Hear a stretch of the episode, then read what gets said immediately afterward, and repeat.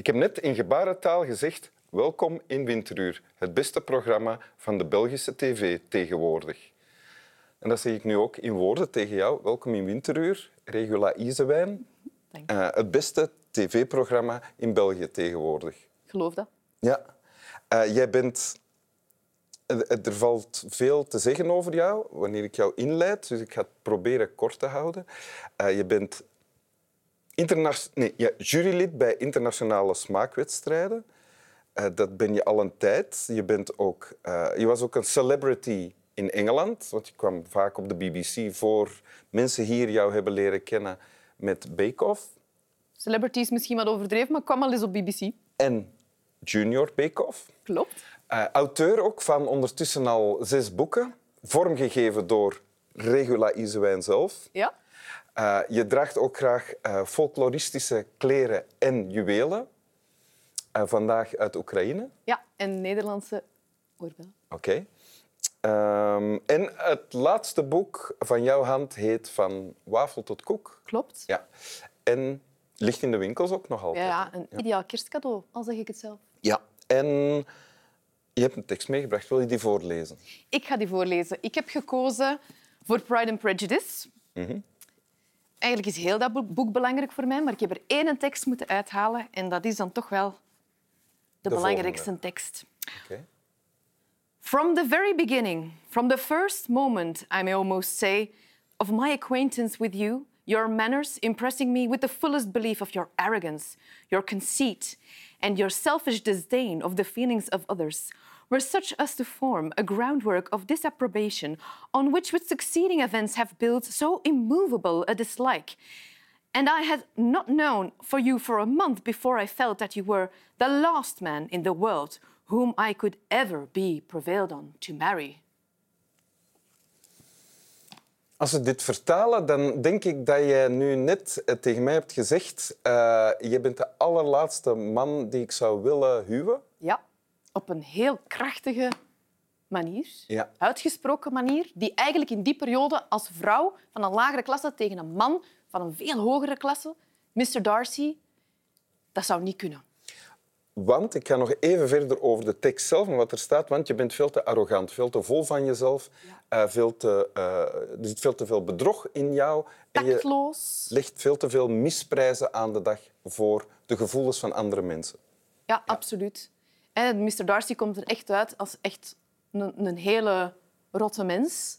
En zo komt hem ook wel in het boek wel naar voren. Maar hij heeft een hele andere kant die Elizabeth ook een beetje wel gezien heeft. Maar het komt er niet helemaal door. En zij heeft zoiets van, echt waar, denkt jij nu echt dat ik met u zou willen trouwen? En hij denkt, ja, natuurlijk, want zij is van een lagere klasse, dus Op zich je mag blij zijn. Ja, en op zich... Oh, sorry. Oh, sorry. Eh, op zich klinkt dat nog niet zo vreemd. Een, iemand doet een aanzoek, een andere zegt van nee, ik zou met jou echt niet willen Ja. trouwen. Dus op zich is dat niet zo bijzonder, denk ik. Nee, nee, het is vooral het feit dat ze hem afwijst. Want ja, je zou... In een, in een tijd dat dat not done was. Nee, in die tijd was het not done. In die tijd was het ook als vrouw not done dat je jezelf zo uitsprak. Je moest stil zijn en zwijgen. En dat deed Elizabeth Bennet niet in het boek, maar dat deed ook Jane Austen niet, die dit boek schreef in een Regency-periode. Dat is 1800, een periode waarin een vrouw alleen maar mooi moest zijn en zwijgen en zeker en vast zich niet uitspreken en niks weten, niet studeren. En, en Elizabeth Bennet die neemt daar geen genoegen mee. Zij wil haar eigen vrouw zijn en haar mannetje staan. En al die dingen die je nu zegt, wist je die al toen je dit boek voor het eerst las? Want je was nog jong, hè? Ik was nog heel jong, ik was 12 jaar. Ja? Eh, ik had toen eh, de, de tv-serie, de Britse BBC-serie gezien van het boek. De Ja. beste vertolking ooit, want het is bijna echt het boek.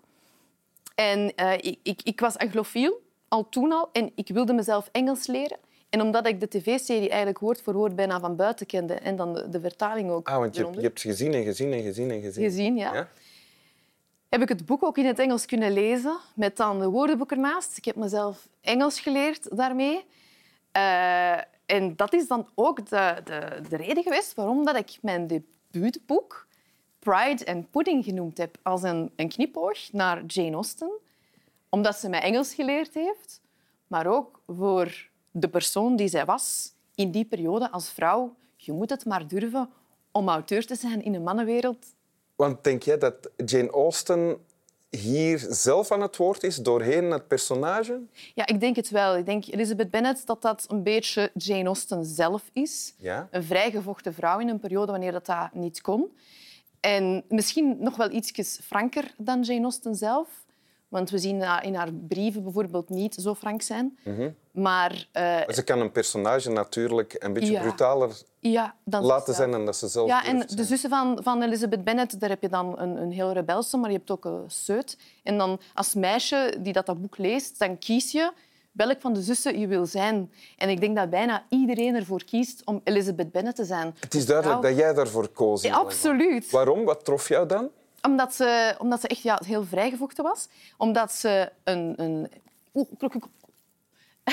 haar eigen vrouw was, of haar eigen mannetje was. Haar eigen man, eh, haar, haar, haar mannetje kon staan eh, in die wereld, wat heel moeilijk was. Ze, was ze, ze las, ze leerde. Dus, Maar al die dingen, die, daar had jij wel toegang toe. Ja, absoluut. Maar Elizabeth Bennet koos er ook voor om niet binnen het keurslijf van de maatschappij te leven. En daar kies ik ook voor.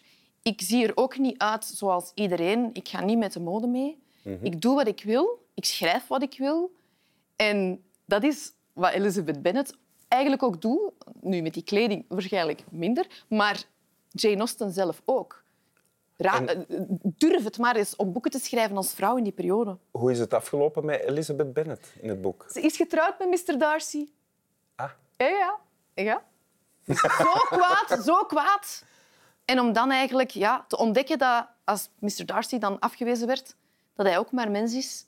En eigenlijk zijn ware aard te zien. En te beseffen van iedereen houdt op zeker moment wel een beetje een maskertje voor. ja. Wil je het nog eens lezen? Ik ga dat nog eens lezen. From the very beginning, from the first moment, I may almost say, of my acquaintance with you, your manners impressing me with the fullest belief of your arrogance, your conceit, and your selfish disdain of the feelings of others, were such as to form that, that groundwork of disapprobation on which succeeding events have built so immovable a dislike. And I had known and I had not known you for a month before. I felt that you were the last man in the world who I could ever be prevailed to marry. Wacht maar, zeg ik dan terug. Wacht maar, ik zal u toch hebben. Ja? Dank u. Slap wel.